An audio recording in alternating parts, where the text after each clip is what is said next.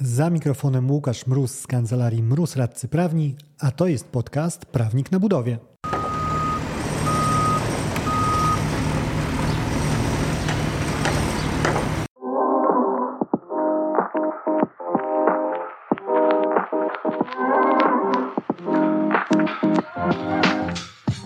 Przemysław Janiszewski jest dyrektorem budownictwa energetyczno-przemysłowego w Unibepie.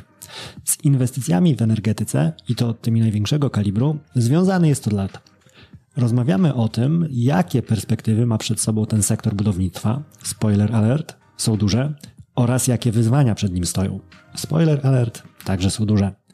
Poruszyliśmy wątki takie jak co tak naprawdę buduje się w Polsce w energetyce, jak na działalność wykonawców wpływa brak wypracowania standardów realizacji projektów oraz brak ujednoliconej, długofalowej strategii zlecania inwestycji tego rodzaju, a także atom nad Wisłą. Zapraszam do odsłuchania rozmowy. Za mikrofonem Łukasz Mróz, a to jest podcast Prawnik na budowie.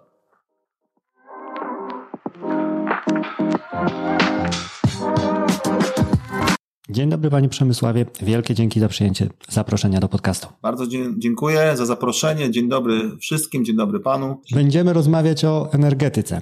Dziś o budownictwie energetycznym i może zanim zaczniemy o nim rozmawiać, to e, gdyby słowem jednym bądź dwoma powiedział Pan, e, czym się Pan zajmuje właśnie z perspektywy energetyki? Zacznę nietypowo może, nie będę przedstawiał się w kontekście e, mojego zaangażowania w pracy zawodowej, tylko bardziej może jako kreatora rynku energetycznego w Polsce. Mam przyjemność być e, członkiem Rady Polskiego Związku Pracodawców Budownictwa, a jednocześnie być szefem Komitetu Energii. Może dwa słowa o Komitecie Energii. Komitet Energii to organizacja e, w ramach Polskiego Związku Pracodawców e, Budownictwa odpowiedzialna za mm, budowanie relacji pomiędzy wykonawcami, zamawiającymi, podwykonawcami w, w całym segmencie rynku energetycznego. Komitet Energii działa przy Polskim Związku Pracodawców Budownictwa od kilku lat. Możemy się poszczycić jedną fajną rzeczą. Takim e, dużym naszym osiągnięciem było opracowanie kodeksu dobrych praktyk dla całej branży energetycznej. Co ważne,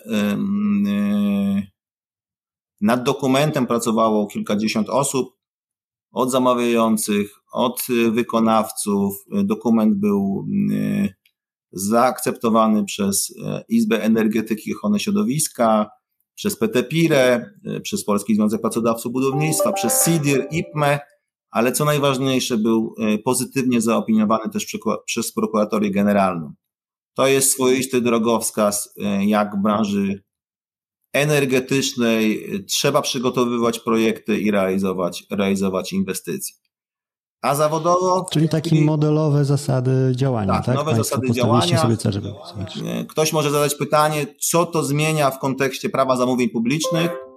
Mianowicie dużo, bo oczywiście to jest dokument uzupełniający, dokument e, dodatkowy, który pokazuje pewne E, sposoby efektywnego współdziałania przy przygotowaniu e, trudnych inwestycji, a takimi są e, projekty energetyczne.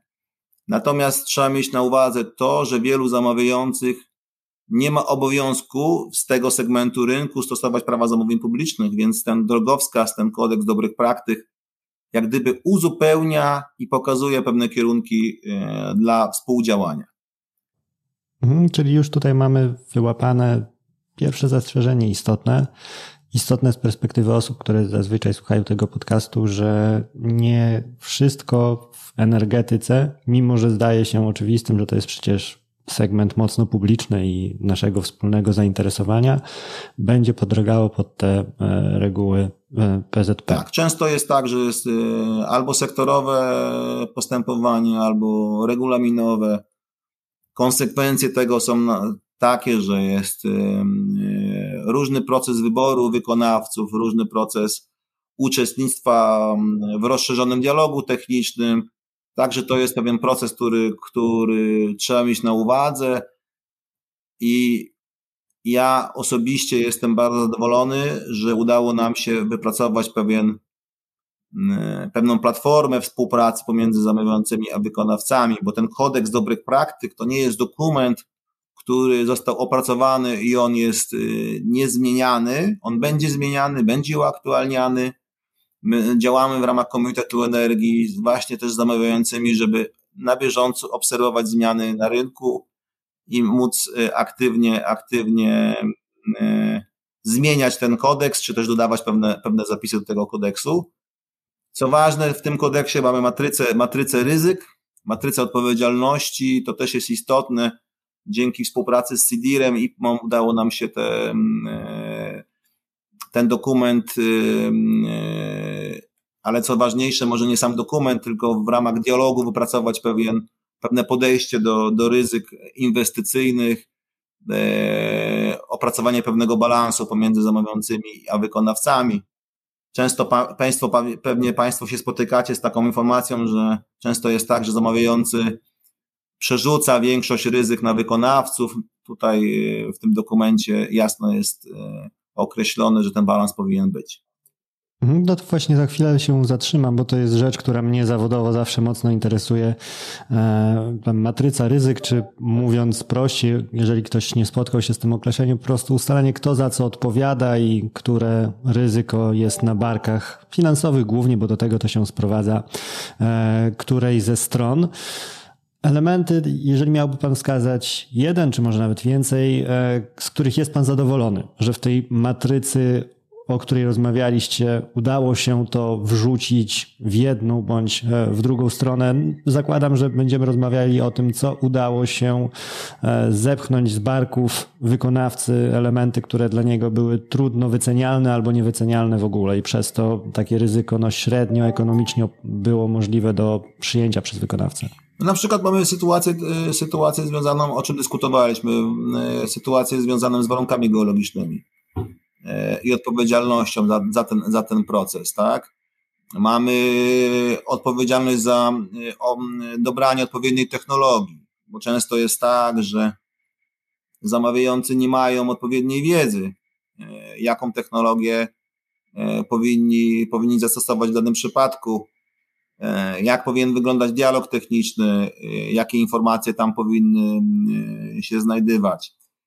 E, takim przykładem też jest odpowiedzialność społeczna, tak, że to nie jest tak, że jedna strona tylko odpowiada za e, kontakty z lokalnymi e, mieszkańcami czy z lokalnymi społecznościami, no to i wykonawca, i zamawiający powinni współdziałać. Tam jest opracowany cały, cały rozdział dotyczący komunikacji społecznej. Taki przykład, taki przykład, który też był poruszany, bardzo ważny, i muszę powiedzieć, że to jest dopiero element, który, nad którym pracujemy, to jest podejście szerokie do waloryzacji. Taki może przykład dam w kontekście tego, co się dzisiaj dzieje w, w, w całej branży. No mamy sytuację na przykład Generalnej Dyrekcji Dróg Krajowych i Autostrad, gdzie w tej chwili zmieniony jest cap waloryzacyjny z 5 na 10%. Dotyczy to wszystkich projektów w energetyce czy w branży energetycznej, szeroko rozumianej, to jest temat, który jeszcze y, nie ma odpowiednich regulacji zunifikowanych dla całej branży. Są indywidualne podejście konkretnych zamawiających i nad tym trzeba pracować, bo wiemy doskonale, że dzisiaj przerzucanie ryzyka związanego y, z wzrostem kosztów i ja już pomijam kwestię wojny w Ukrainie, która jest oczywiście, y, ma bardzo duży wpływ i i nie wiemy, kiedy, kiedy ta wojna się skończy y, i będzie miała wpływ w przyszłości. Natomiast y, my w projektach energetycznych mówimy o długich projektach. Jeżeli dzisiaj nie jest odpowiednio zaadresowany temat y, waloryzacji czy zmiany ceny przez odpowiednik, czy to koszyk, jak jest waloryzacyjny, który jest na przykład przyjęty przy branży drogowej, czy inny mechanizm, no to jest problem dla wykonawców. I bardziej dojrzali, doświadczeni wykonawcy przewidują pewne, pewne wzrosty, doliczają do, do wartości oferty pewne rzeczy, co może powodować, że yy, no te budżety zamawiające będą przekroczone. A z drugiej strony mniej doświadczeni wykonawcy, mniej wiarygodni wykonawcy nie doliczają tego, a to determinuje pewne postępowania w trakcie realizacji, które nie zawsze powodują, że ta inwestycja jest skończona na czas, w odpowiedniej jakości, no i w, odpowiedniej, w, odpowiedniej, w odpowiednich relacjach pomiędzy zamawiającymi a wykonawcami.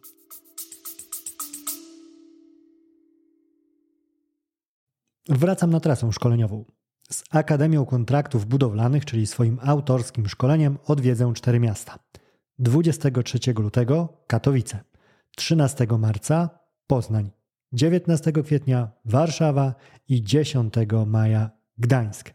Wszystkie detale i szczegóły o rejestracji znajdziesz na stronie prawniknabudowie.com ukośnik Akademia.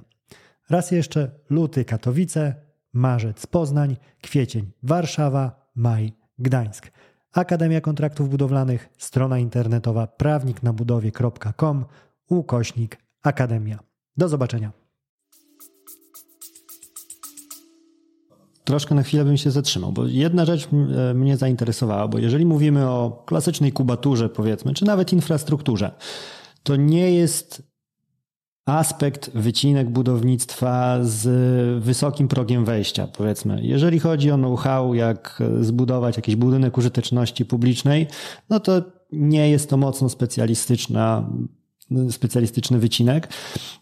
Tego samego chyba nie możemy powiedzieć o energetyce i tak się zastanawiam właśnie, czy na tym rynku w ogóle e, są takie podmioty, których Pan mówi, że mniej doświadczeni, e, czy faktycznie mamy tam z uwagi na specyfikę e, branży, specyfikę tego konkretnego segmentu budownictwa, e, ograniczenie troszkę liczby wykonawców do tych, którzy już więcej tych kompetencji mają i w związku z tym te ryzyka niedoszacowań, takich powiedzmy jak waloryzacyjnych, będą mniejsze, no bo są poważniejsi ludzie przy tym stole, w którym rozmawiamy o budownictwie energetycznym.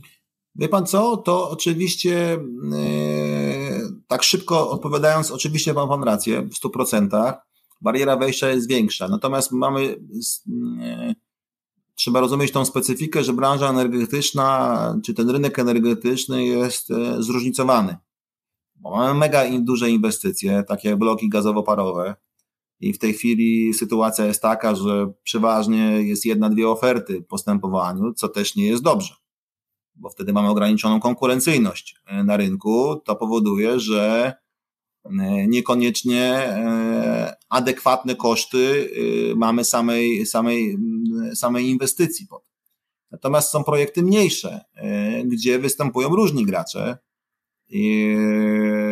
Nasza firma jest obecna na rynku średnich i małych projektów w branży energetycznej, gdzie ta bariera wejścia jest zupełnie inna. Oczywiście trzeba mieć technologię, ale ten partner technologiczny e, w tej chwili oczywiście generalizuje, ale partner technologiczny dzisiaj ogranicza swoje ryzyka i chce dostarczać technologię.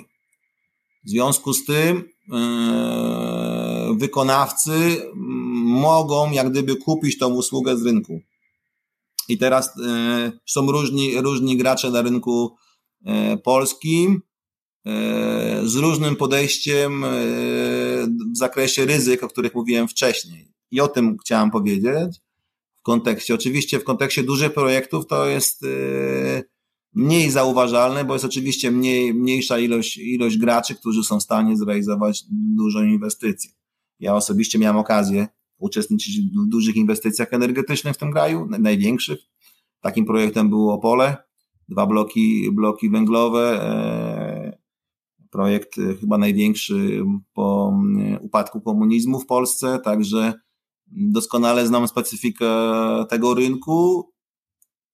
I to jest tak, że rzeczywiście firmy technologiczne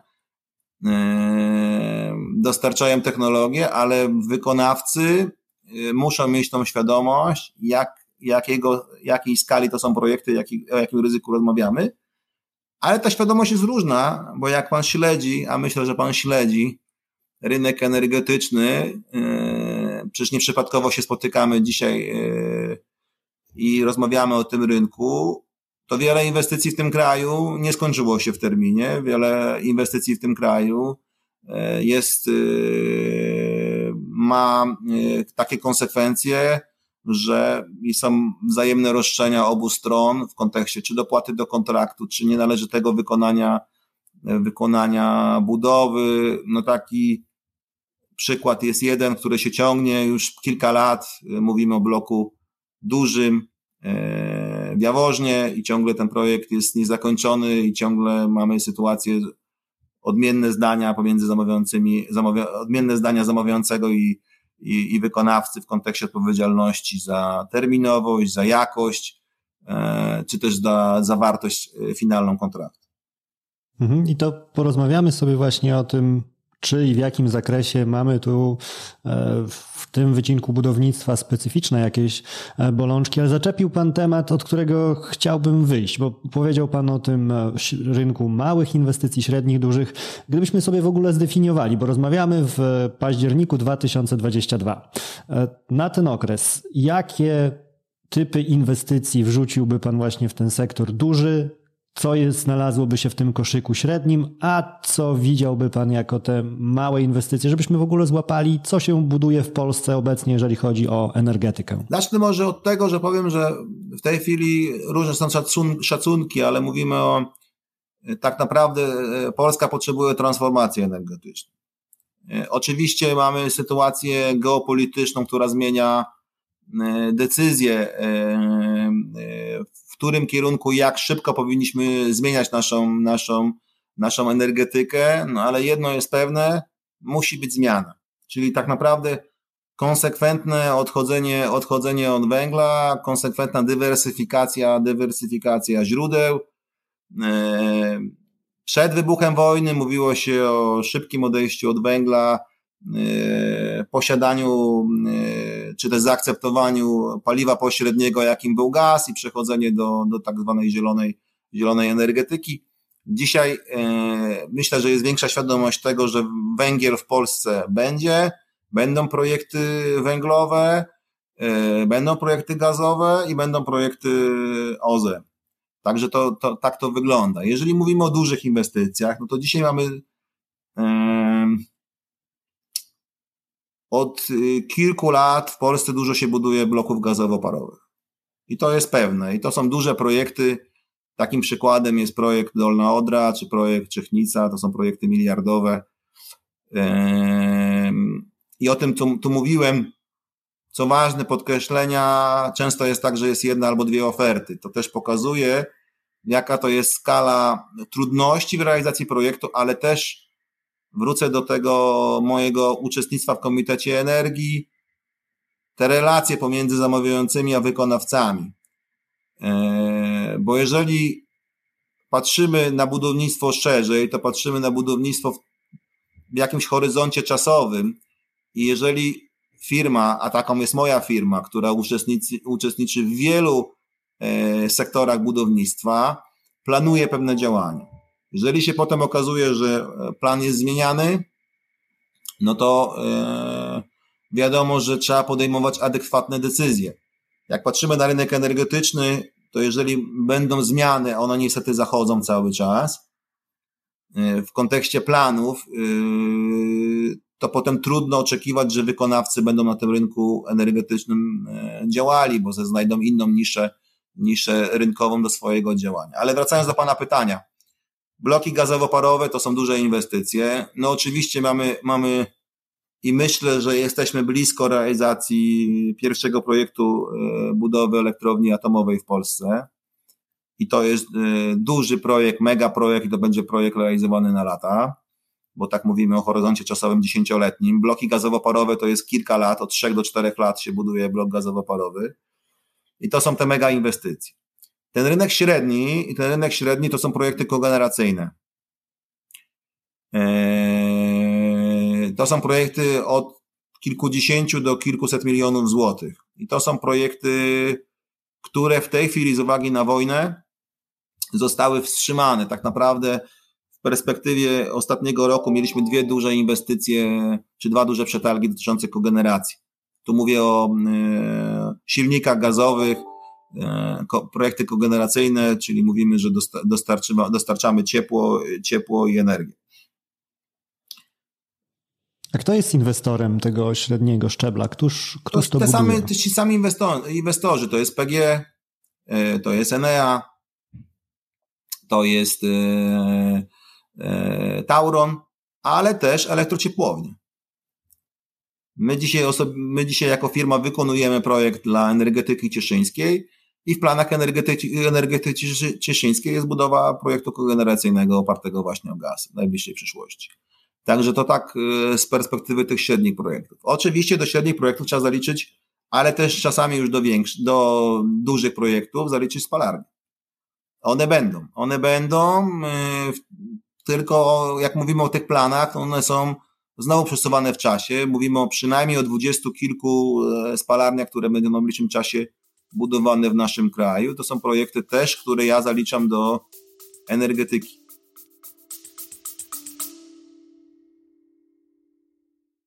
Jeżeli podoba Ci się odcinek, którego słuchasz, mam ogromną prośbę. Wspomnij komuś z branży budowlanej o tym podcaście. Razem dotrzemy do większej liczby osób z branży. Z góry dzięki. I tu już wchodzą samorządy nam, bo tak. to one głównie będą zainteresowane tego typu inwestycjami. Tak jest. I tutaj, tutaj sporo takich inwestycji jest. My sami osobiście w ramach organizacji przygotowujemy, czy to jesteśmy w, w jakichś tam dialogach technicznych e, z samorządami e, w kontekście przygotowania tych inwestycji. E, projekty mniejsze, no to są projekty na przykład biogazownie, na przykład projekty biomasowe. My w tej chwili mamy w ramach organizacji trzy projekty biomasowe, gdzie wykonujemy dla e, przedsiębiorstw e, energetyki cieplnej, tak zwanych PEC-ów. E, I to są projekty nieduże, bo to są projekty tam kilkanaście, kilkadziesiąt milionów złotych, natomiast to są też projekty z, z energetyki. No i oczywiście mamy projekty OZE, czyli w tej chwili w dalszym ciągu jest y, dużo projektów fotowoltaniki, dużo projektów związanych z, z, z farmami wiatrowymi y, na ziemi, ale trzeba powiedzieć, że znowu jest mega duży projekt. Zobaczymy, jak ten temat będzie realizowany. To jest oczywiście offshore, czyli projekty energetyki wiatrowej morskiej. Bo w tej chwili dwóch klientów y, naszych, czyli Orlen i PG, takie decyzje podjęły, podjęły o e, rozwijaniu tej energetyki. Te projekty będą.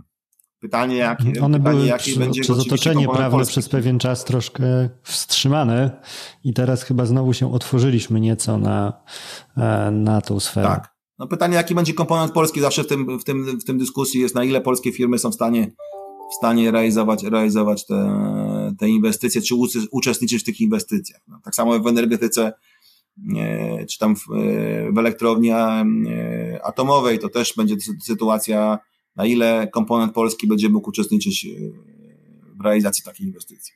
Mhm. To ten wątek, który na pewno chciałbym poruszyć. E, ostatnią rzecz tylko chciałem do pana, pana zapytać o tą segmentację rynku. E, no bo mamy, zdefiniowaliśmy sobie na potrzeby rozmowy, gdzie jest ten próg powiedzmy poszczególnych inwestycji. Jeżeli chodzi o podział tego tortu, jak wyobrazimy sobie klasyczny taki wykres kołowy i mielibyśmy przypisać wolumen wartościowy do każdego z tych e, segmentów, e, to reguła, że ten złoty środek jest najbardziej reprezentowany, znajdzie tutaj zastosowanie, czyli najwięcej finansów jakby leży w tych średnich inwestycjach, e, jeżeli skumulujemy ich wartość, czy coś innego się dzieje? Zdecydowanie tak. Oczywiście, jeżeli będzie tak, że te projekty kogeneracyjne, które, te projekty, przepraszam, bloków gazowo-parowych i dużych spalarni będą realizowane w jednym czasie, to oczywiście ten ciężar będzie na tych projektach większy. Natomiast patrząc na to, jak dzisiaj się rynek kształtuje, to tych średnich inwestycji jest dużo więcej e, i ten rzeczywiście ciężar tych średnich inwestycji moim zdaniem będzie w najbliższym czasie e, największy, determinujący decyzje konkretnych wykonawców o wejściu w ten segment rynku albo nie. Mhm. I tu od razu zapytam pana, jak wkłada pan swój, swoją czapkę osoby zarządzającej segmentem, powiedzmy, budownictwa tego energetycznego e, w Unibepie. I to jest sytuacja, która z pana punktu widzenia jest dobrym takim, dobrym stanem rynku dla polskich wykonawców, że właśnie mamy pulę tych średnich projektów do zgarnięcia i je możemy realizować, czy wolałby Pan, żeby ten środek ciężkości był przesunięty w którąś inną stronę, bo wtedy powiedzmy z Pana perspektywy jako osoby prowadzącej biznes, jako zarządzającej e, tą sferą działalności Unibepu osiąganie wyników finansowych byłoby powiedzmy jakoś tam bardziej korzystne? Ja od tego zacznę, że może dopowiem jedną rzecz, że ja odpowiadam za rynek przemysłowy i energetyczny, bo tak naprawdę rynek przemysłowy jest bardzo e, zbliżony, jeśli chodzi o e, stopień mm, skomplikowania, ale też takiego organizacyjnego podejścia do, do rynku energetycznego, bo też mamy technologię. E, ja odpowiadając za rynek energetyczno-przemysłowy w Unii, w Unibepie mogę powiedzieć, że oczywiście średnie inwestycje to jest to, co chcielibyśmy realizować.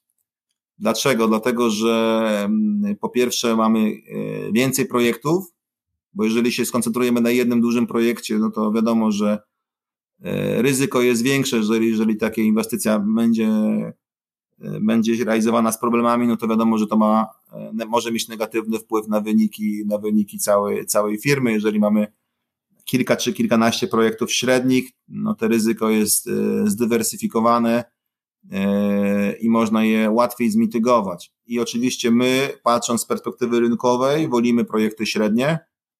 Dzisiaj jesteśmy na projektach średnich i małych. Dla nas rynkowo projekty średnie to są projekty 100, 200, 300, 400 milionów złotych i w takim segmencie rynku jesteśmy. W tej chwili mamy trzy takie duże inwestycje w rynku energetyczno-przemysłowym. No i mamy oczywiście projekty małe, które też chcemy realizować i to są projekty od kilku milionów złotych nawet do kilkudziesięciu milionów złotych i tych projektów mamy dużo więcej, mamy około dziesięciu i te projekty też e, z powodzeniem e, realizujemy, co nie zmienia faktu, że przygotowujemy się do projektów większych. I może w perspektywie najbliższych kilku lat Unibep będzie aktywny również w projektach większych, czy to spalarnie, czy to bloki, bloki gazowo-parowe, które będą w Polsce realizowane. Mhm. I spina mi się to z wątkiem, który już Pan poruszył, czyli naszymi krajowymi kompetencjami. Może zanim o to jeszcze jedna rzecz przyszła mi do głowy, bo mówiliśmy o tych deficycie ofert, powiedzmy, czyli dwóch czy jednej, gdzie no, wtedy trudno jest o konkurencję. I o ile w pełni jest to zrozumiałe, powiedzmy, na, jeżeli mówimy o małym segmencie, o tych małych e, czy średnich nawet, to zastanowiło mnie, jeżeli chodzi o te duże projekty, e, czy tutaj nie ma chęci graczy zagranicznych, żeby się pojawić, no bo niemałe pieniądze są do zgarnięcia. Jeżeli spatrzy się chociażby na infrastrukturę, no to te projekty infrastrukturalne potrafią jak najbardziej przyciągnąć podmioty, które wchodzą dopiero na, na nasz rynek, podmioty e, niepolskie. Tej sytuacji nie ma na rynku energetyki? Wie pan co? Tutaj e, pozwolę sobie o odniesienie się do przeszłości, do moich doświadczeń z przeszłości. Ja e, odpowiadałem za różne segmenty rynku w różnych podmiotach.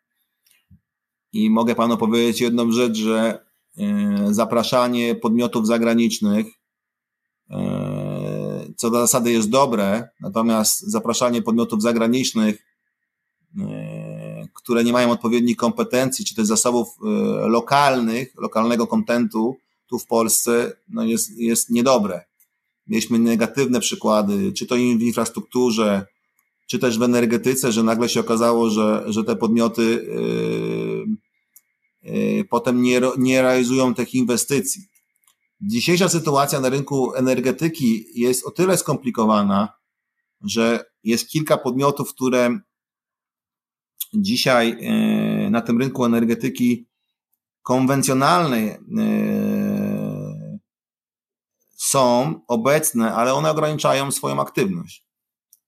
Takie koncerny jak GE, Siemens, e, Mitsubishi, Hitachi Power System, one ograniczają swoją aktywność. Znaczy one dywersyfikują, dywersyfikują e, czy też ograniczają swoje ryzyko i też zmieniają troszeczkę e, swój model biznesowy. To powoduje, że ciężko oczekiwać, że, podmiot zagraniczny przyjdzie do Polski i zbuduje, i zbuduje większy projekt sam. Dlatego my powinniśmy mocno zabiegać o to, żeby firmy, które są, które były obecne w rynku energety energetycznym, były ciągle obecne. Zmiana podejścia y, zamawiających, czy też zmiany planów y, powodują, że, ale też to, co poruszyłem na początku tego spotkania, czyli ten podział ryzyk, powoduje, że coraz więcej podmiotów się wycofuje z rynku energetyki, bo się okazuje, że e, patrząc długoterminowo, ryzyko jest zbyt duże dla tych firm. W związku z tym my jako kraj powinniśmy pracować nad tym, żeby, żeby komfort pracy był lepszy czy większy dla, dla podmiotów polskich realizujących, realizujących te trudne inwestycje. To są przeważnie inwestycje tak zwane krytyczne i one wymagają y, mocnego współdziałania. Takim dobrym przykładem realizacji takiej inwestycji i takiego podejścia y, bardzo zdroworozsądkowego był Baltic Pipe. To był projekt, który był zarządzany y, moim zdaniem wręcz modelowo przez Gas System i i wybór wykonawców, i potem realizacja, i to projekty przebiegały naprawdę. E, e, mimo, że e, nawet na otwarciu tego Baltic Pipe prezes Gaz-Systemu powiedział, że klient jest trudny pod kątem relacji, wymagań kontraktowych, ale też jest klientem współdziałającym. Czyli klientem, który rozumie i wsłuchuje się w potrzeby wykonawców. I to, i to jest to, to, to, to ważny element. I ja sobie bym życzył, żeby te inwestycje były właśnie w taki sposób realizowane bo kiedyś, kiedyś było, w przyszłości było tak, że w projektach energetycznych startowało kilka podmiotów. Dzisiaj niestety mamy ograniczoną, ograniczoną ilość, a przed nami olbrzymi program. Olbrzymi program. Niezależnie jakie decyzje podejmiemy jako kraj, czy to będzie gaz, czy to będzie energia e, z elektrowni atomowych, czy to będzie OZE, to jest przed nami olbrzymi pro, program. Czy nawet e, w tej chwili próba reaktywowania naszego, naszych elektrowni węglowych, czyli tak zwanych dwusetek. Dziś mamy około 40 tych dwusetek, żeby one były, mogły pracować jeszcze przez kilka, kilkanaście lat, a oprócz tego nie emisyjność była ograniczona, to przed nami. E, I dzisiaj powinniśmy robić wszystko jako kraj, żeby zachęcać wykonawców do bycia aktywnym na tym rynku. Natomiast uważam jedno, że uważam, że to y, jest tak, że potem polskie podmioty, polscy pracownicy te projekty wykonują i dzisiaj powinniśmy wszystko zrobić, yy, zrobić, aby przekonać polskie podmioty do realizacji tego, tego programu inwestycyjnego, który jest przed nami olbrzymiego.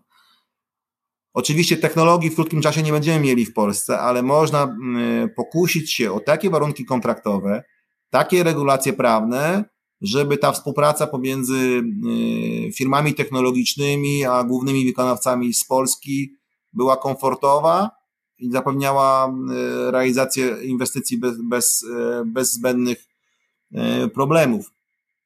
Często jest dzisiaj tak, że strona zamawiających rozmawia z firmami technologicznymi, a potem ta firma technologiczna zarządza, zarządza inwestycją. Ja nie będę wymieniał konkretnych inwestycji, ale to nie jest dobre rozwiązanie.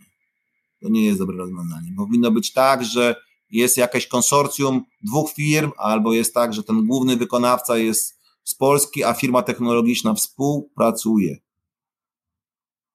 Współpracuje z tym podmiotem polskim. Bo potem i tak fizycznie na budowie są polscy inżynierowie, polscy pracownicy produkcyjni i my tak wykonujemy wszystko w, w ramach naszego kraju, wykorzystując tu, pols, pols, polskie zasoby. Eee, a ta wiedza technologiczna może być, może być wykorzystana właśnie w ramach tej współpracy, w ramach na przykład konsorcjum. Mam dobre doświadczenia z tego.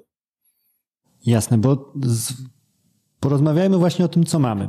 E, jeżeli chodzi o polski rynek, bo chociażby Państwa ze swojej perspektywy e, odnoszę wrażenie, zresztą Pan też o tym wspomniał, że chodzi Wam po głowie wejście nawet sektor wyżej, powiedzmy w te duże inwestycje.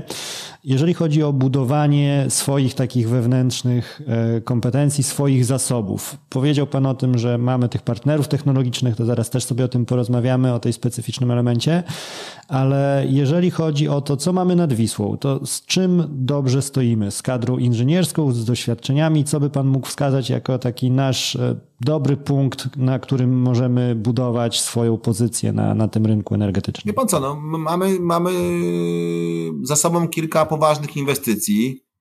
Można powiedzieć, że oczywiście to są inwestycje oparte o węgiel, ale to są inwestycje czy oparte o gaz, mniej oparte o gaz, więcej oparte o węgiel, ale to są inwestycje bardzo duże, skomplikowane, gdzie ta wiedza inżynierska musiała być, ale też wiedza organizacyjna, jak zarządzić taką dużą budową. E, I wie pan co, i ja miałem okazję uczestniczyć w projektach największych w tym kraju, bo to i była elektrownia w Kozienicach, czy też elektrownia właśnie wspomniana w Opolu, czy też oferowanie projektu na przykład Dolną Odrę. E, to są projekty, które e, oferowaliśmy, czy też realizowaliśmy z, jako Polska, jako Polacy z firmami zagranicznymi, technologicznymi. Co ważne, w tych firmach technologicznych bardzo duży odsetek ludzi to też byli Polacy. Więc my mamy kompetencje do realizacji dużych inwestycji. Te inwestycje zakończyły się sukcesem, dzisiaj te elektrownie pracują. Także jeżeli patrzymy pod kątem wiedzy inżynierskiej, my tą wiedzę inżynierską i organizacyjną w Polsce mamy. Natomiast y, potem są konkretne decyzje firm wykonawczych, dużych graczy na rynku, czy wejście w rynek energetyczny jest y, y, odpowiednie, bo trzeba ponieść nakłady, zorganizować pewien zespół, zorganizować pewien, pewne zasoby wykonawcze, mówię tutaj o pracownikach produkcyjnych, przygotować się do takiej inwestycji. Te inwestycje przeważnie zabierają od kilku do nawet do kilku lat przygotowań, a potem się okazuje, że na przykład ktoś zmienia decyzję albo ktoś yy, zmienia program. Takim przykładem jest ten, ten rok. Oczywiście nikt nie, nie przewidywał, że będzie wojna. Czy większość nas nie przewidywała, że będzie wojna i nie będzie projektów kogeneracyjnych? Wszyscy myśleli, że jednak gaz będzie tym paliwem przejściowym w Polsce. No ale teraz proszę zwrócić uwagę, że firmy się przygotowują do tego, do tego mm, planu inwestycyjnego czy programu inwestycyjnego, a potem się okaże, że tych inwestycji nie ma. A obok są na przykład projekty infrastrukturalne, czy są obok e, projekty kubaturowe typowe, no to firmy tam będą koncentrować swoją uwagę. W związku z tym my musimy y, lepiej przewidywać to, co się y, podzieje w naszym kraju w kontekście właśnie tej transformacji energetycznej. Ja, mając okazję być szefem Komitetu Energii, mogę też się podzielić jedną rzeczą. Myślę, że też istotną dla naszych słuchaczy i to myślę, że taka rzecz możliwe, że oczywista, ale mocno inspiracyjna dla naszego otoczenia rynkowego. W kontekście projektów infrastrukturalnych jest kilku zamawiających, ale głównym zamawiającym jest Generalna Dyrekcja Dróg Krajowych i Autostrad, która podlega ministrowi infrastruktury. I to on planuje inwestycje jako ministerstwo, które, jakie będą realizowane w, w Polsce. I generalnie jest ten dialog wypracowany od lat pomiędzy zamawiającymi, zamawiającym a wykonawcami. W energetyce, z uwagi na to, że rozproszona jest decyzyjność, jest trudno wykonawcom e, zaplanować swoje działania, żeby być przygotowanym do tego programu. Bo nagle się okazuje, że mówimy, że kilkaset miliardów złotych będzie na rynku energetycznym projektów, a potem jak popatrzymy na niektóre lata przeszłości, ale też które są do przodu i moje przewidywania, to się okazuje, że tych inwestycji może za dużo nie być w danym roku, czy w, danym, w danych latach. To powoduje, że wykonawcy, rozsądny wykonawca nie, nie, nie inwestuje, nie przygotowuje się do tych, do, do, tych, do tych e, działań, no bo to wymaga dużo nakładów finansowych. Jak bierzemy pod uwagę wyniki firm budowlanych, a mówimy o firmach budowlanych typowych, no to przecież mamy wyniki, gdzie marża czy ten poziom zysku to jest e, jednocyfrowy. W związku z tym ta rentowność tego biznesu nie jest duża i firmy nie mogą sobie pozwolić na długoletnie przygotowania do, pro, do projektów, które może będą, a może nie.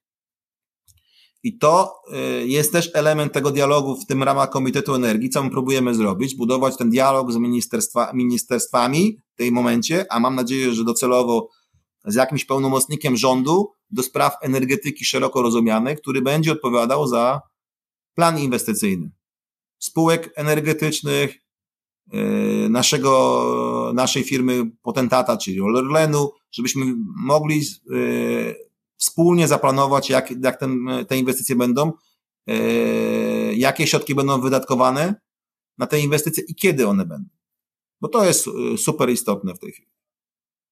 Mhm.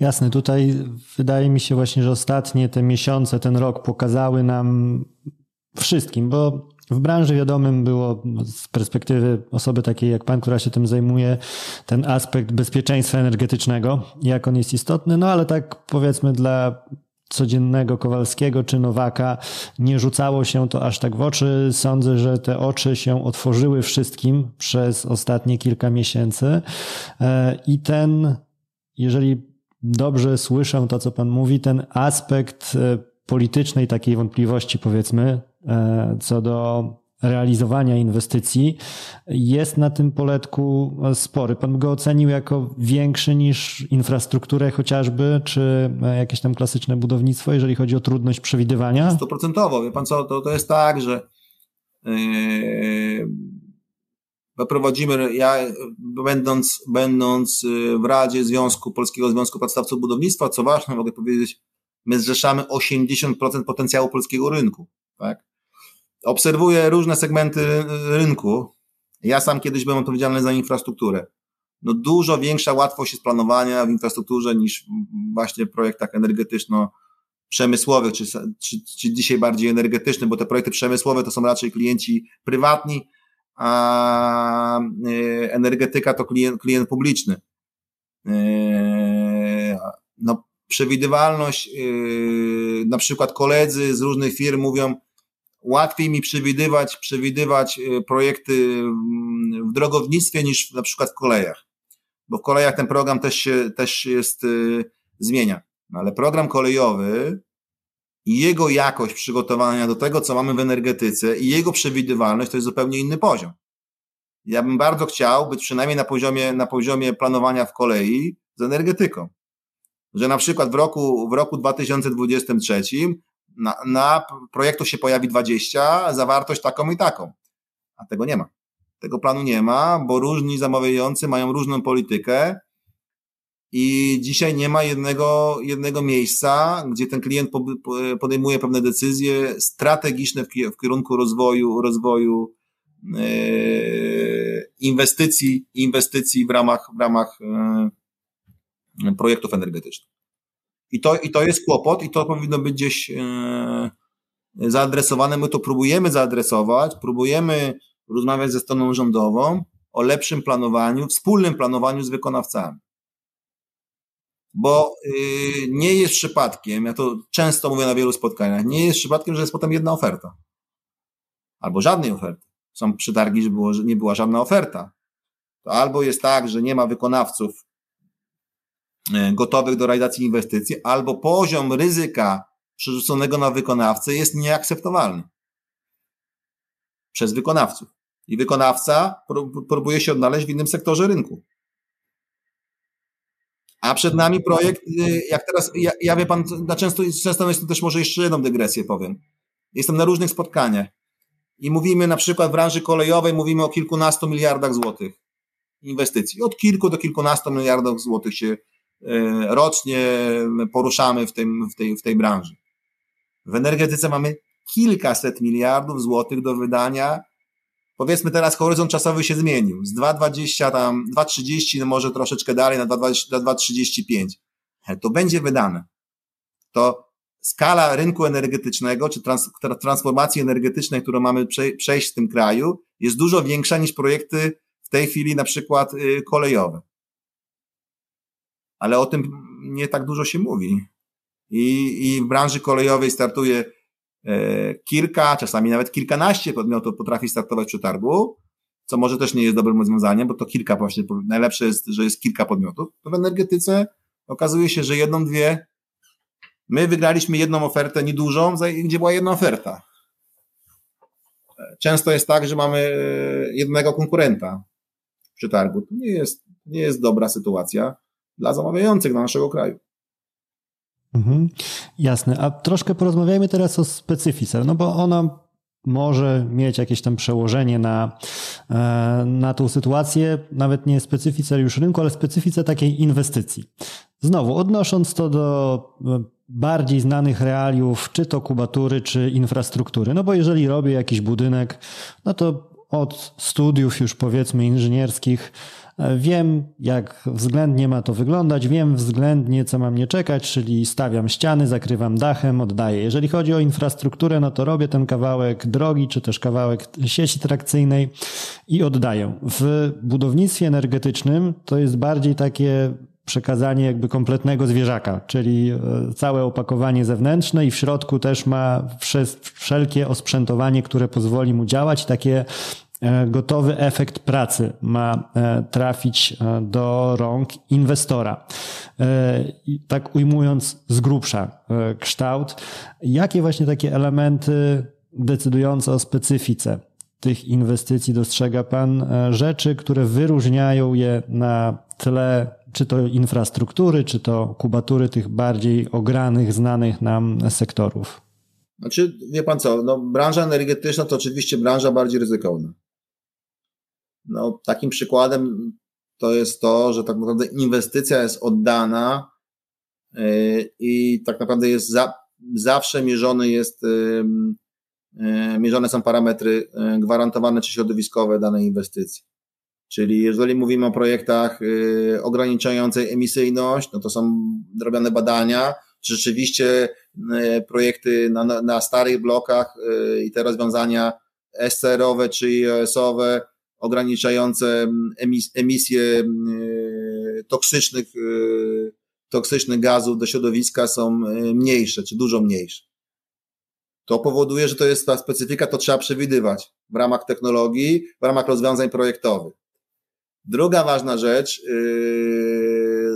to mimo to, że mamy w projektach infrastrukturalnych coraz częściej projekty design and build, to tutaj w energetyce są wszystkie projekty w formule zaprojektuj i wybuduj, ale nawet szerszej, bo mówimy tutaj, że generalnie wykonawca powinien być EPC kontraktorem, czyli tak naprawdę nawet w niektórych przypadkach i PCM-em, czyli też współdziałać z zamawiającym w zarządzaniu, przygotowaniem samej inwestycji.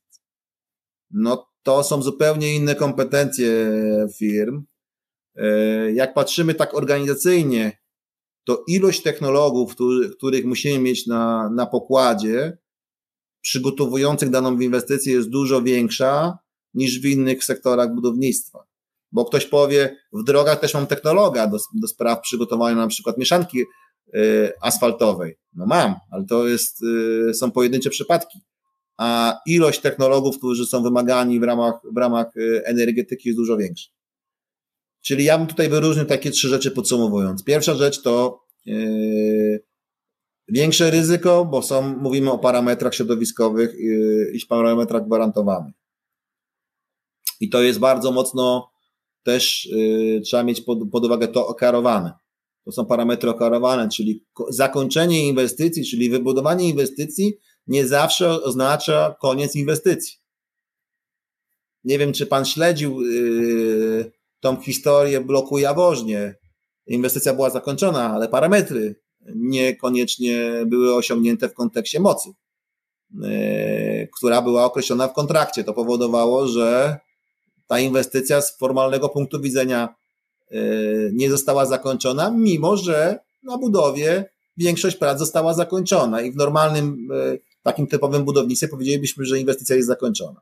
Druga rzecz, no to co powiedziałem, no to jest e, to, że wykonawca musi rozumieć, że jest EPC kontraktorem albo EPCM-em czasami nawet i przygotowuje inwestycje od A do Z, pod klucz. Od początku, od feasibility study do, często do, do przekazania inwestycji y, na koniec. No i trzeci rzecz, trzecia rzecz ważna to organizacja wewnątrz, wewnątrz firmy. Niezależnie, czy my weźmiemy firmę technologiczną do współpracy, bo często technologii w Polsce nie ma, są to firmy zagraniczne, to my musimy mieć organizacyjnie tak przygotowany zespół, który jest w stanie mieć wspólny język z tymi firmami technologicznymi w ramach organizacji, ale też z klientem. W związku z tym ten zespół jest zupełnie inny, e, dużo więcej specjalistów e, niszowych, którzy muszą być zaangażowani w dany, pro, w dany projekt. Mhm. O ten drugi wątek chciałem zaczepić. E, nawiązując do samego początku naszej też rozmowy, do tych standardów de facto, które Państwo organizacyjnie staraliście się wypracować, same zaprojektuj i buduj to jest olbrzymia bolączka ofertowania, realnej wyceny, bo mówimy o tak długim horyzoncie czasowym, e, że wiele może się zmienić, co wykrzaczyć może budżet projektu. Jeżeli wchodzimy w EPC, czyli de facto no, oddaj nam ten gotowy produkt, a jeszcze może dołożymy nawet do tego jakiś tam twój udział w eksploatacji, no to już w ogóle mówimy o horyzoncie czasowym bardzo długim. Dzieci zdąży się w tym czasie posłać do szkoły i trochę odchować, zanim od podpisania umowy osiągniemy ten etap e, eksploatacji obiektu. Czy w obecnych realiach, powiedzmy, no, uwzględniając Państwa tą matrycę ryzyk, którą przygotowaliście, czy Przewiduje Pan, że wykonawcy w tym standardzie są w stanie realnie wyceniać te projekty? Czy da się to zrobić, czy wymaga dalszej pracy tak naprawdę ten rozkład ryzyk, e, żeby można było składać sensowne oferty na takie inwestycje? Znaczy, wie Pan co, to jest, y, to jest dobre pytanie. Dziękuję za to pytanie, bo to jest pytanie, które e, trafia w setno problemów wykonawców. Bo jeżeli dzisiaj na projekcie energetycznym, takim średnim czy dużym, mamy przygotować dobrze, dobrze wycenę, to my musimy zaangażować projektanta, albo mieć projektanta, e, projektantów na własnych zasobach, albo zaangażować e, doświadczone biuro projektowe. W związku z tym przygotowanie takiej inwestycji to jest od kilkuset tysięcy złotych do kilku milionów czasami. I te koszty trzeba ponieść. I teraz, jeżeli przy, przy, yy, zamawiający z jakichś powodów dojdzie do wniosku, że nie realizuje inwestycji. Albo yy, często też się tak zdarzało, przewiduje nieodpowiedni budżet na tą inwestycję, nie uwzględniając realiów rynkowych, to powoduje, że naraża wykonawców na straty. Yy, w związku z tym wykonawcy takie projekty nie wchodzą. Ale idąc dalej, yy, dobrze przygotowany zespół jest w stanie dobrze oszacować, oszacować y, całą inwestycję i przygotować, y, przygotować dobrą ofertę dla, dla zamawiających. Ale tutaj o, to, mm, o tym mówiliśmy podczas y, prac Komitetu Energii nad kodeksem dobrych praktyk, ten dialog techniczny. Bo ten dialog techniczny powoduje, że obie strony mają szansę przygotować po pierwsze specyfikację istotnych, istotnych warunków zamówienia w odpowiedni sposób, dobrać odpowiednią technologię, często czas. Mam taki przykład dzisiaj projektu, gdzie yy, yy, zamawiający daje dwukrotnie krótszy czas niż, niż możliwości wy, wykonania tej inwestycji. Ja się spotykam z tym klientem, tłumaczę temu klientowi, że to jest za krótki czas. Klient mnie rozumie, ale potwierdza, potwierdza czas, który dał w kontrakcie no to yy, no musi być wzajemne zrozumienie, że, że wspólnie odpowiadamy za realizację tej inwestycji, potem finalnie. I jeżeli chcemy mieć wykonawców rzetelnych, to musimy dać odpowiednie ramy. Często jest też tak, może ostatnią rzecz, często jest tak, że zamawiający bardzo długi czas przygotowuje inwestycje. I ja sobie zdaję sprawę, że to jest, nie jest prosto yy, przygotować pewien plan inwestycyjny, czy też konkretną inwestycję, bo to zabiera dużo czasu. Natomiast jest często tak, że ten proces jest rozciągnięty w czasie, a potem e, bardzo krótki czas na realizację konkretnej inwestycji, albo tu już się kończą deregulacje. A tu już potrzebuje mieć nowe źródło, źródło ciepła dla miasta, albo potrzebuje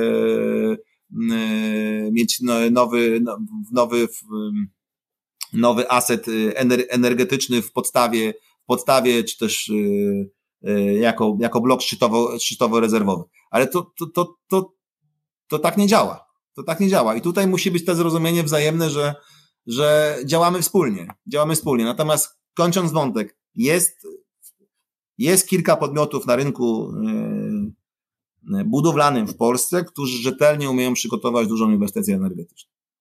W 100% nie jest to coś, co jest yy, niemożliwe do zrobienia.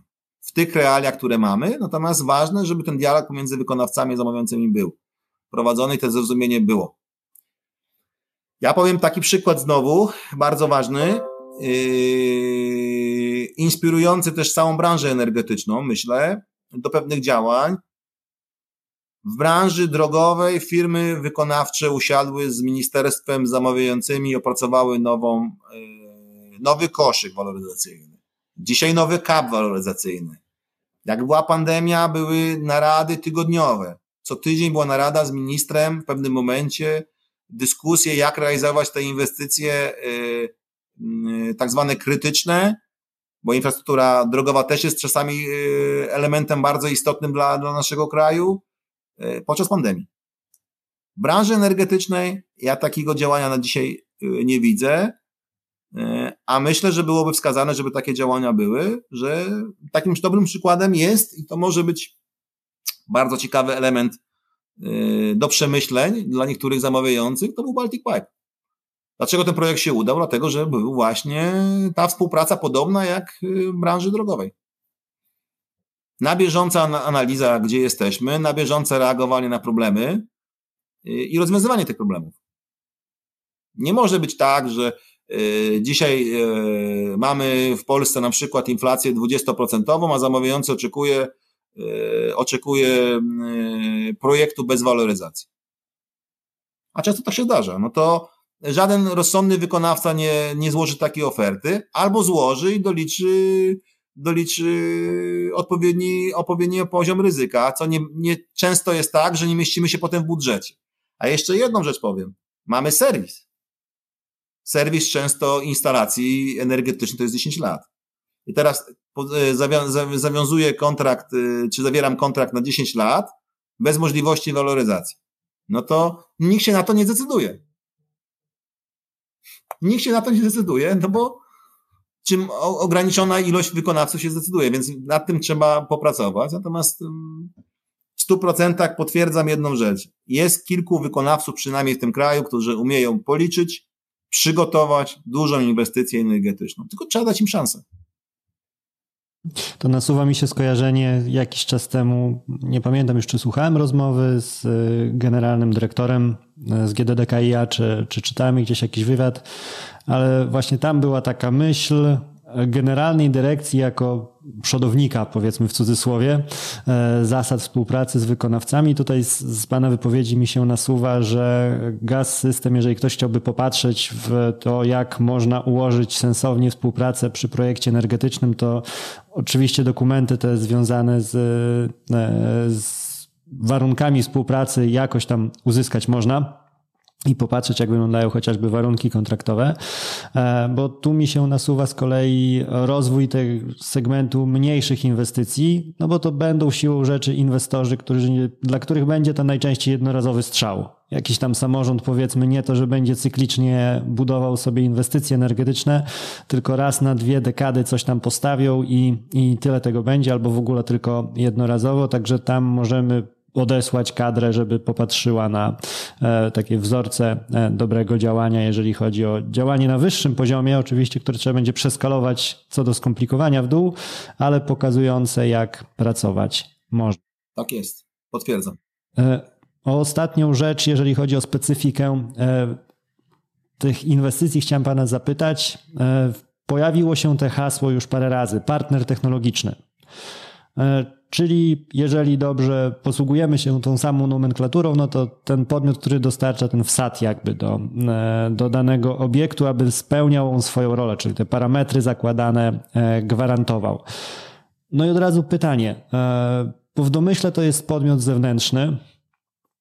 Rozumiem, że mocno jakiś tam zaawansowany technologicznie korporacyjny twór musimy posiłkować się e, zewnętrzem. To, jest na, to są tak specyficzne, tak wymagające e, procesy, że tylko kilka podmiotów naprawdę dużych ma te know-how i zawsze będziemy liczyli się z tym standardem współpracy właśnie, że jesteśmy wprawdzie wykonawcą, ale od tego mm, wsadu, tego jakby technologicznej strony będziemy mieli podmiot zewnętrzny. Czy przewiduje Pan może, że wraz z rozbudową e, tej swoich kompetencji i ilości inwestycji, które zrealizujemy, będzie to przechodziło bardziej w wewnętrzne strony wykonawców? Nie sądzę, nie sądzę. To no, co mamy w branży, branży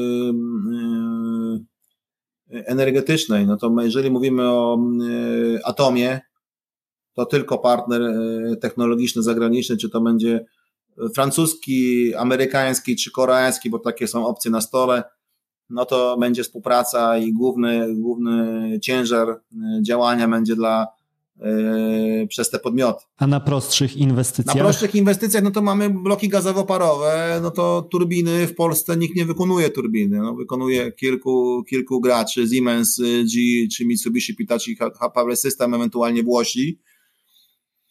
W Polsce nie widać, żeby w najbliższym czasie jakiś podmiot się pojawił, który, który miałby te kompetencje.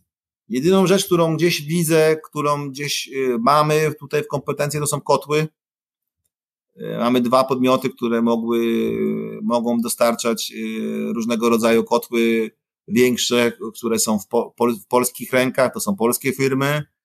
I szczerze powiedziawszy, na pewno to są firmy, które, które mogą uzupełniać ten, ten komponent technologiczny w projektach na przykład węglowych, czy też po projektach możliwe, że jakichś tam innych energetycznych w najbliższym czasie. Hmm. I atom jeszcze, ten znowu wywołał go pan troszkę. E, znowu z perspektywy pana jako osoba, która ma na biurku tabliczkę e, odpowiadającą sektorowi tego budownictwa energetycznego, przemysłowego, czy na chwilę obecną atom jest takim tematem, który dla Pana jest czymś, czym rzeczywiście jest Pan biznesowo zainteresowany? Gdzieś tam jakieś e, światełka się panu zapalają, czy drzwi w głowie się otwierają, czy raczej myśli pan o tym jako dobra, poczekajmy, w którym kierunku to się rozwinie, na razie to jest bardziej taka ciekawostka niż realny biznes? Znaczy myślę, że, że tak, jeżeli patrzymy, w zależności jaki mamy horyzont czasowy, no ja, jeżeli patrzymy tu i teraz, to w kontekście najbliższych, najbliższego czasu, najbliższych dwóch, trzech lat pod kątem wyniku, konkretnego biznesu, no to pan nie może tego przewidywać, że to jakiś, jakaś część przychodu będzie, będzie z tego typu projektów. Jak pan doskonale wie, kilka firm podpisało y, listy intencyjne, czy też y, memorandum of understanding y, z firmami zagranicznymi. Nasza firma też planuje takie memorandum podpisać w najbliższym czasie z, z partnerami technologicznymi, czy też firmami, które mogą być zaangażowane w proces budowy elektrowni, no bo chcemy być y, w tym segmencie rynku, natomiast dzisiaj z perspektywy takiej krótko i średnioterminowej my nie przewidujemy jakichś znaczących przychodów z tego typu y, biznesu. A jeżeli już się pojawią, to gdzie miejsce dla polskich firm widzi Pan przy takiej realizacji atomowej? No to są, wie Pan co, to są głównie elementy montażowe, y, dostawy konstrukcji stalowych, to są takie, takie komponenty, oczywiście cała część budowlana, to są elementy, które, które gdzieś firmy polskie mogą, mogą wykonywać, ewentualnie oczywiście roboty branżowe, czy to elektryka, czy automatyka. Też mamy dobre firmy w Polsce, które mogą ten, ten e, kawałek tortu zagospodarować.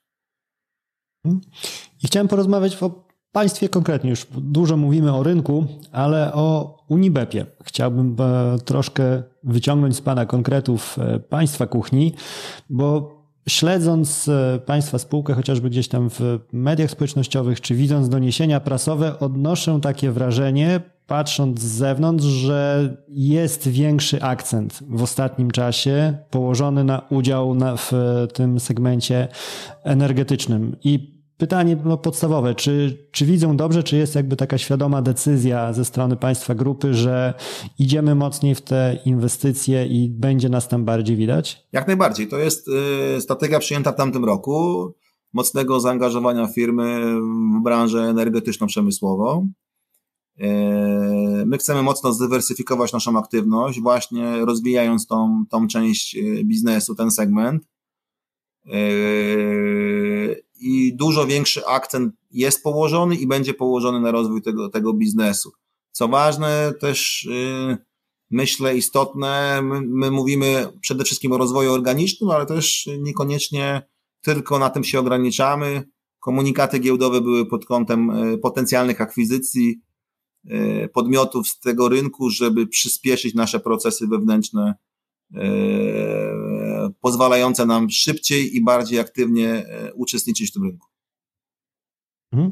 I tu od razu mi się nasuwa e, pytanie, no bo duża część naszej rozmowy to jest wskazywanie bolączek e, i trudności tego rynku, nazywając rzeczy po imieniu, zarówno z perspektywy takiej czysto inżynieryjnej, technologicznej realizacji takich inwestycji, ale i biznesowej przy tym modelu rozkład ryzyk, który jest przy tym horyzoncie czasowym i tak dalej, i tak dalej.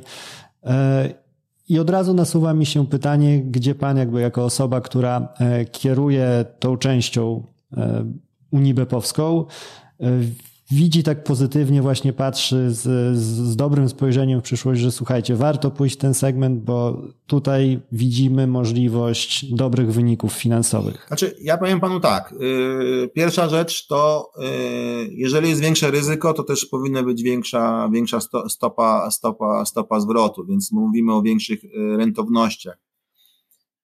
Z dwóch powodów. Po pierwsze jest większe ryzyko, po drugie jest większa bariera wejścia do tego segmentu.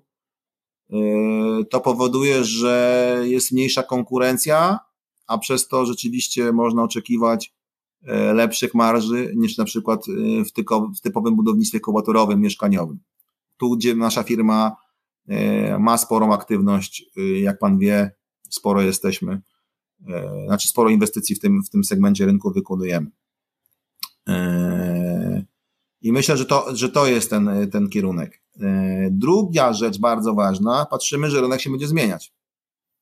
My na szczęście w ramach firmy w grupie Uniweb mamy sześć różnych biznesów. Jednym z biznesów jest właśnie rynek energetyczno-przemysłowy.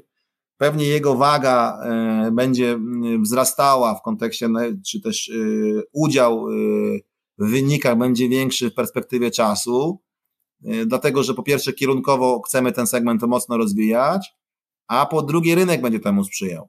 Bo dzisiaj rynek, jeśli chodzi o rynek Mm, budownictwa energetycznego, energetyczno-przemysłowego y, ja postrzegam jako rynek stabilny pod kątem ilości zamówień, które można oczekiwać z tego rynku.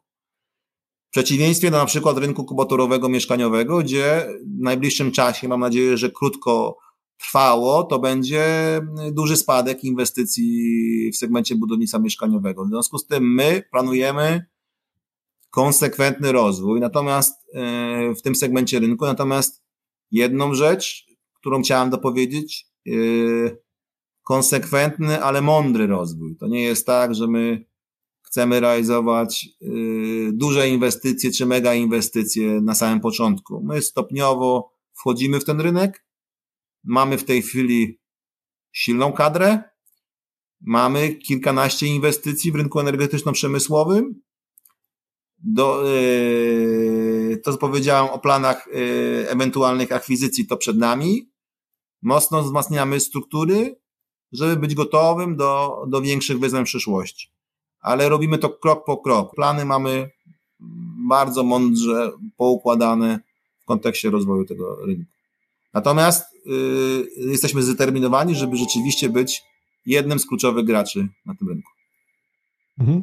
Jakby mógł się Pan pochwalić, podzielić e, przykładami jakichś inwestycji, to co już zrobiliście Państwo, co, co szczególnie zapadło Panu e, w myśl, w pamięć i jakiś przykład inwestycji, którą e, robicie teraz, która wydaje się Panu interesująca, ciekawa z perspektywy takich energetycznych tematów? Tak jak powiedziałem, my rynek energetyczny otworzyliśmy w tamtym, w tamtym roku.